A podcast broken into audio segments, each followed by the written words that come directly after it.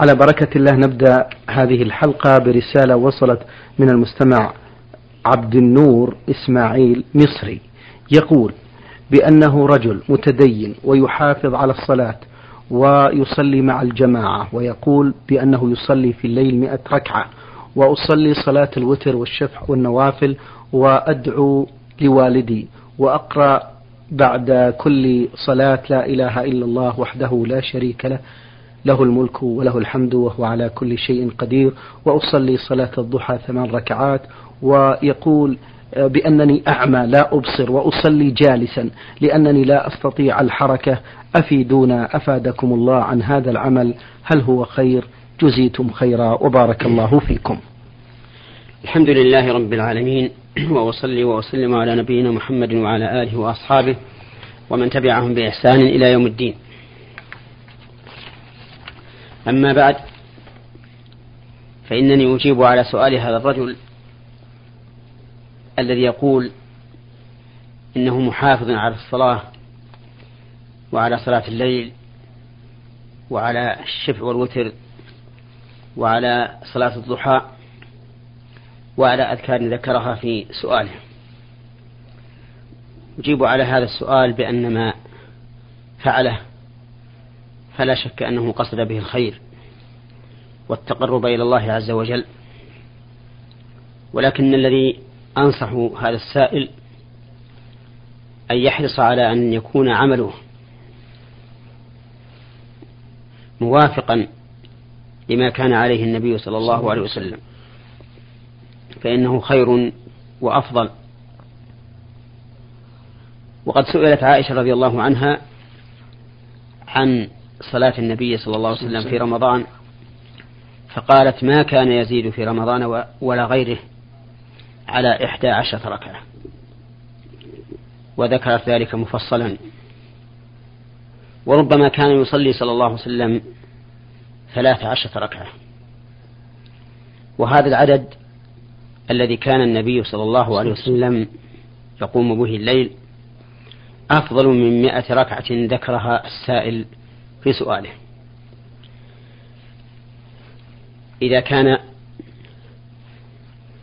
فعل هذه الركعات الإحدى عشرة الإحدى عشرة أو الثلاثة عشرة على وجه التأني والطمأنينة وترتيل القرآن وتدبره كما كان النبي عليه الصلاة والسلام يقوم به.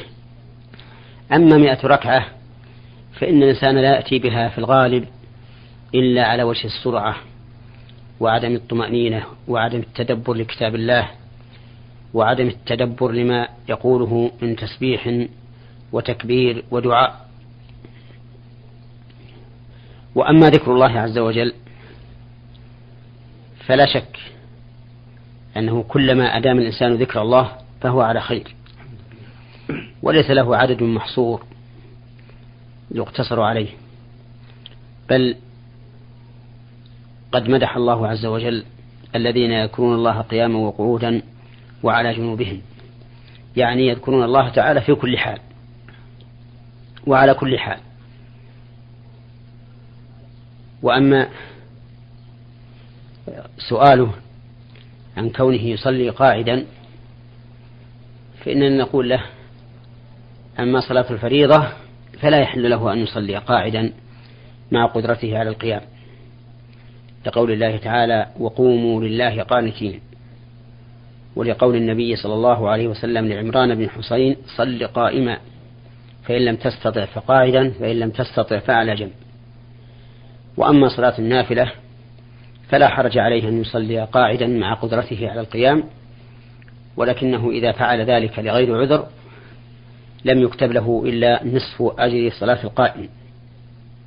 كما ثبت ذلك عن رسول الله صلى الله عليه وسلم. نسأل الله أن يزيدنا وأخانا من فضله والتقرب إليه وعبادته على بصيرة. بارك الله فيكم فضيلة الشيخ. يقول في سؤاله الثاني عندي أخ غني لديه أموال كثيرة وهو فقير وعاطل عن العمل ولا عندي أمور أصرف عليها على أسرتي إلا من أصحاب الخير حتى عندما توفيت والدتي أخذ كل الإرث ولم يعطينا شيء من هذا الإرث أنا وأخي وأختي حتى الزيارة لا يقوم بزيارتنا ما رأي الشرع في نظركم في ذلك فضيلة الشيخ نعم. آه، إذا كان الأمر كما ذكرت عن أخيك أنه غني وأنه أخذ ميراث والدكم ولم يعطكم منه شيئا فإن فإني أقول لهذا الرجل اتق الله في نفسك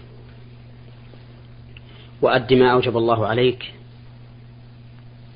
من صلة أرحامك ولا سيما إخوانك المعوزون ورد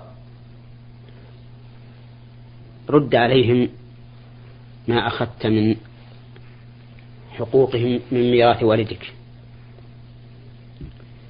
حتى تسلم من ذلك في دنياك. قبل أن يؤخذ قبل أن يؤخذ من أعمالك الصالحة يوم القيامة. أما بالنسبة لكم فأنتم اصبروا واحتسبوا وطالبوا أخاكم بما يجب لكم بالتي هي أحسن. وعلى وجه لا تشمتون به أعداءكم. نعم. بارك الله فيكم. المستمع عبد الرحمن بن صالح الشايع من القصيم له مجموعة من الأسئلة. يقول في السؤال الأول فضيلة الشيخ ما حكم ما يفعله البعض من الناس؟ إذا كبر للصلاة, لصلاة الفريضة ثم حدث له أمر كنسيانه لشيء أو ما شابه ذلك جعل هذه الفريضة نافلة أفتون مأجورين. إذا دخل الإنسان في فريضة فإنه لا يحل له أن يقطعها. لأن القاعدة الشرعية عند أهل العلم أن من شرع في فرض وجب عليه إتمامه إلا من عذر. وأما تحويل الفريضة إلى نافلة فإنه فإن أقل أحواله أن يكون مكروها إلا لغرض صحيح. وقد يكون محرما إذا كان يقصد به التوصل إلى قطع هذه الفريضة. فمثال ما فيه غرض صحيح أن يشرع الإنسان في الصلاة المفروضة وحده ثم تحضر جماعة فيقطع فيقطعها فيقطعها أو يحولها إلى نافلة ليتمها سريعة ثم يدخل مع هؤلاء الجماعة. فإن هذا غرض صحيح وانتقاله من الفريضة إلى النافلة إنما هو لمصلحة تعود إلى هذه الفريضة. وهي صلاتها جماعة. ومثال ما كان حيلة على قطع الفريضة أن يشرع في الفريضة ثم يبدو له شغل ويعلم أن قطع الفريضة حرام فيحوله فيحولها إلى نافلة ليقطعها لأن قطع النافلة ليس بحرام. فنقول له إن هذا حرام عليه لأنه حيلة على محرم. والحيل على المحرمات لا تقلبها إلى حلال بل لا تزيد تحريمها إلا شدة. ومثال ما ليس فيه غلط صحيح ولا حيلة على قطع الفريضة أن يتحول من الفريضة إلى النافلة لزيادة النوافل التي يتقرب بها إلى الله. فإن هذا الغرض لا يعود إلى مصلحة الصلاة المفروضة فنقول له لا تفعل. استمر في فريضتك وإذا سلمت منها وأردت زيادة النافلة وكان الوقت ليس وقت نهي فلا حرج عليك أن تزيد من النوافل. بارك الله فيكم. ما رأيكم في الكم القصير بالنسبة للمرأة إذا كانت عند والدها وإخوتها؟ الذي أرى أن, أن النساء يعتدن على اللباس ساتر من الكعب إلى الكف. وذلك لأن المقام مقام عظيم والخطر خطر جسيم. وإذا فتح للمرأة أن تقصر من أكمامها أو من ثيابها فإنها تتدرج من هذا المرخص فيه إلى أمر لا رخصة فيه. كما رأينا ذلك في مسائل كثيرة حيث يفتح للناس الباب في أمر يهوون فيه التوسع ثم لا تلبث إلا يسيرا حتى ترى أمورا منكرة مبنية على هذه الرخصة. لكن إذا كانت المرأة في بيتها في شغل وقد فسرت عن أكمامها حتى بدت ذراعها وليس حولها إلا محارمها فإن هذا لا بأس به.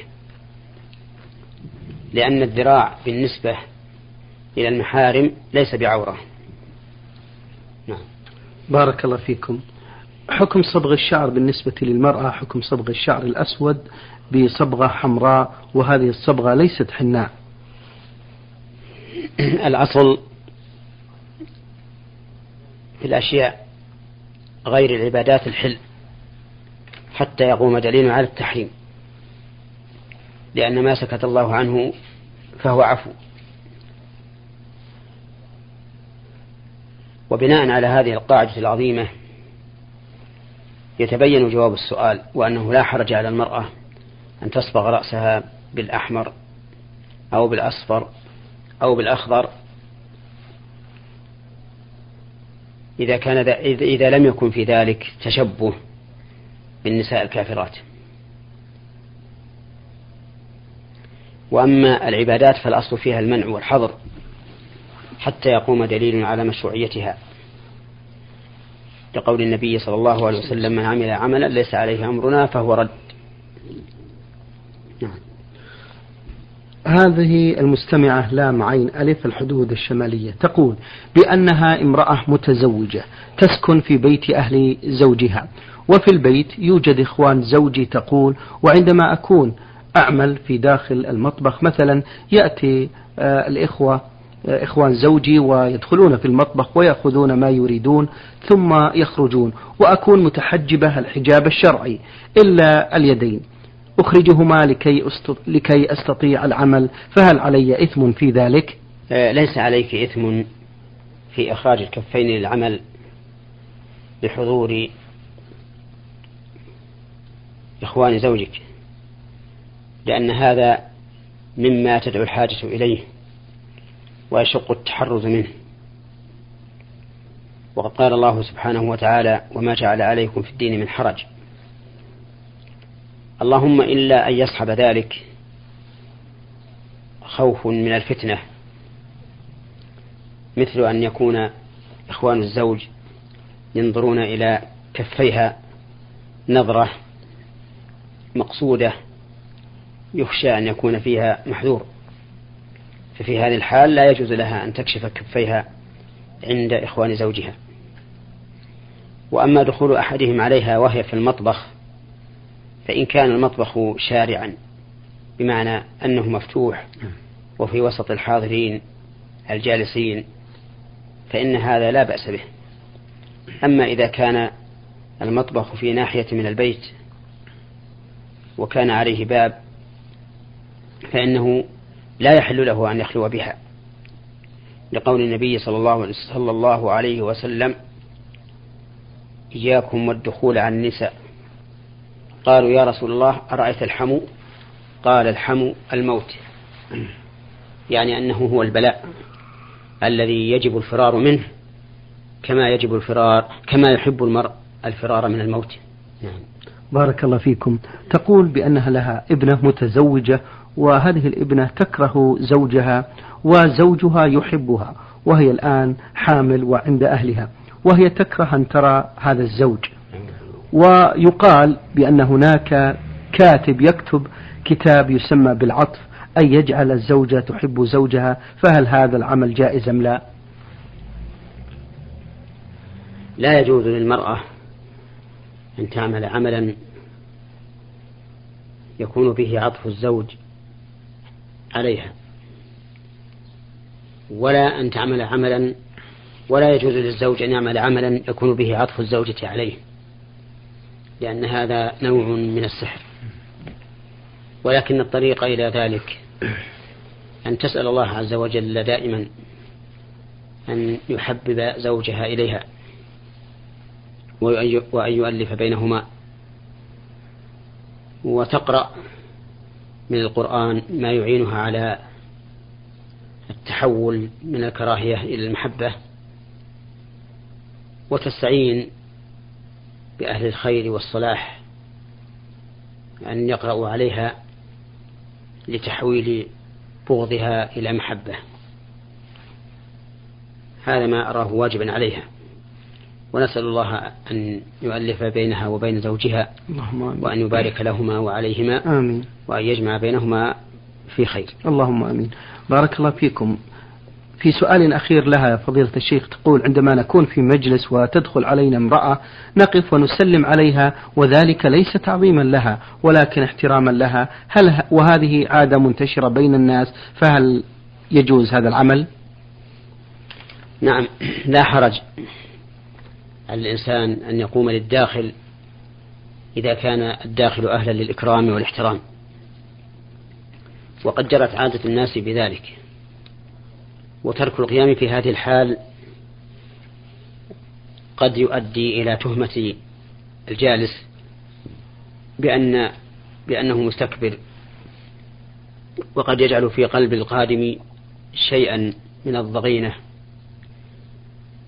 حيث يعتقد كثير من الناس أنه إذا لم يقم له صاحب البيت فإن هذا إشارة إلى كراهته لقدومه.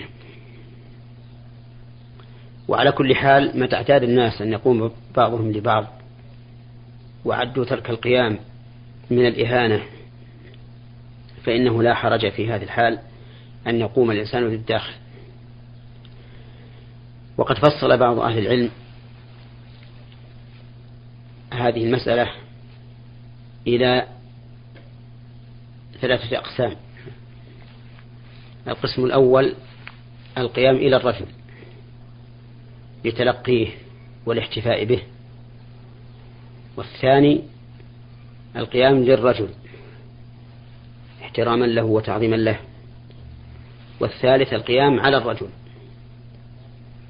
فأما الأول وهو القيام إلى الرجل لتلقيه وبذل التحية له فإن ذلك لا بأس به وربما يستدل به وربما يستدل عليه بقول النبي صلى الله عليه وسلم للأنصار قوموا إلى سيدكم يعني سعد بن معاذ حينما أقبل إلى النبي صلى الله, صلى الله عليه وسلم راكبا على حمار.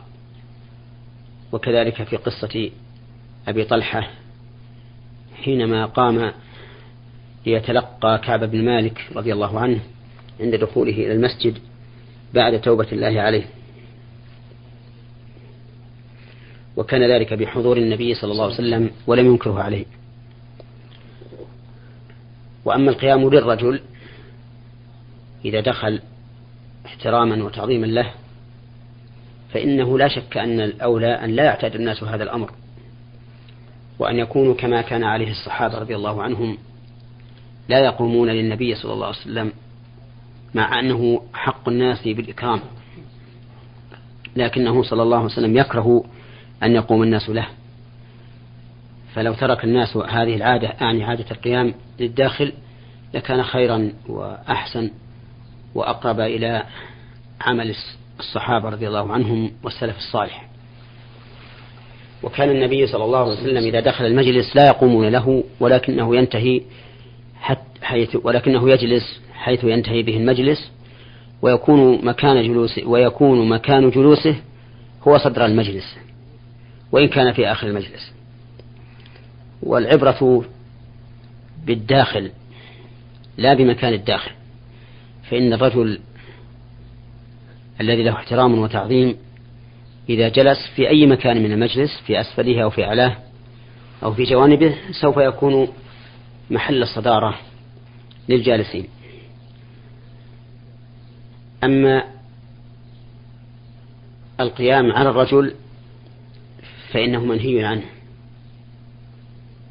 نهى النبي صلى الله عليه وسلم عن, عن ذلك وقال لا تقوموا كما تقوم الأعاجم على ملوكها حتى إنه صلى الله عليه وسلم لما صل لما صلى قاعدا وقام الصحابة خلفه أشار إليهم أن يجلسوا فجلسوا وقال لهم إنما جعل الإمام ليؤتم به فلا تختلفوا عليه فإذا كبر فكبروا وإذا ركع فاركعوا وإذا سجد فاسجدوا وإذا صلى قائما فصلوا قياما وإذا صلى قاعدا فصلوا قعودا. إلا أن يكون في القيام على الرجل مصلحة دينية. فإنه لا حرج فيه. بل هو مطلوب لتحقيق هذه المصلحة. ودليل ذلك ما فعله الصحابة رضي الله عنهم مع النبي صلى الله عليه وسلم حين كانت المراسلة بينه وبين قريش في صلح الحديبية. فإن فإن المغيرة بن شعبة رضي الله عنه كان قائما على النبي صلى الله عليه وسلم ومعه السيف. ليري رسل المشركين عزة المسلمين وتعظيمهم لرسول الله صلى الله عليه وسلم. فهذا خير ومطلوب. وألحق بذلك بعض أهل العلم ما إذا كان الرجل يخاف عليه فقام أحد على رأسه حماية له من الاعتداء عليه. نعم. بارك الله فيكم فضيلة الشيخ. نختم آه هذا اللقاء الطيب المبارك بسؤال فضيلة الشيخ من المستمع الذي رمز لاسمه بخاء حاء الباحة. يقول ما معنى حديث آه الرسول صلى الله عليه وسلم من سمع النداء فلم يجب فلا صلاة له إلا من عذر معناه أن الإنسان إذا سمع النداء يعني الأذان وجب عليه حضور الحضور إلى المسجد ولا يحل له التخلف عنه إلا لعذر. فإن تخلف عن المسجد بغير عذر وصلى وحده في بيته فإنه لا صلاة له إلا أن يكون معذورا. وذلك لأنه ترك الجماعة وهي واجبة في الصلاة. والقاعدة أن من ترك واجبا في العبادة لغير عذر فإنه فإن عبادته لا تصح لتركه ما يجب فيها. وقد اختلف العلماء رحمهم الله فيما لو أقام الجماعة في مكان غير المسجد مع سماعه النداء وإقامة المسجد في وإقامة الجماعة في المسجد. يعني لو أن جماعة صلوا في غير المسجد والمسجد فيه من يصلي. فقد اختلف العلماء رحمهم الله هل يجوز لهم ذلك أو لا يجوز؟ فمنهم من قال إنه جائز لأن المقصود تحصيل الجماعة في أي مكان. ومنهم من قال إنه لا يجوز بل يجب أن تصلى الجماعة في المساجد إلا من عذر. وهذا القول أقرب إلى الصواب من القول الأول. وعلى هذا فيجب على من سمع النداء أن يجيب وأن يصلي في المسجد ولا يحل له أن يتخلف عن عن عن الحضور ولو كان يصلي جماعة مع أصحابه وزملائه.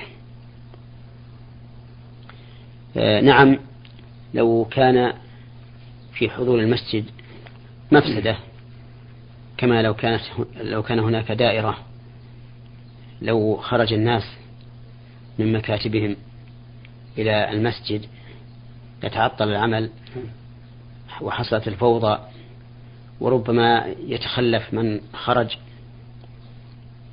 عن عن عمله أي ربما يخرج إلى الصلاة ولا يرجع أو يرجع متأخرا وربما يخرج بعض الناس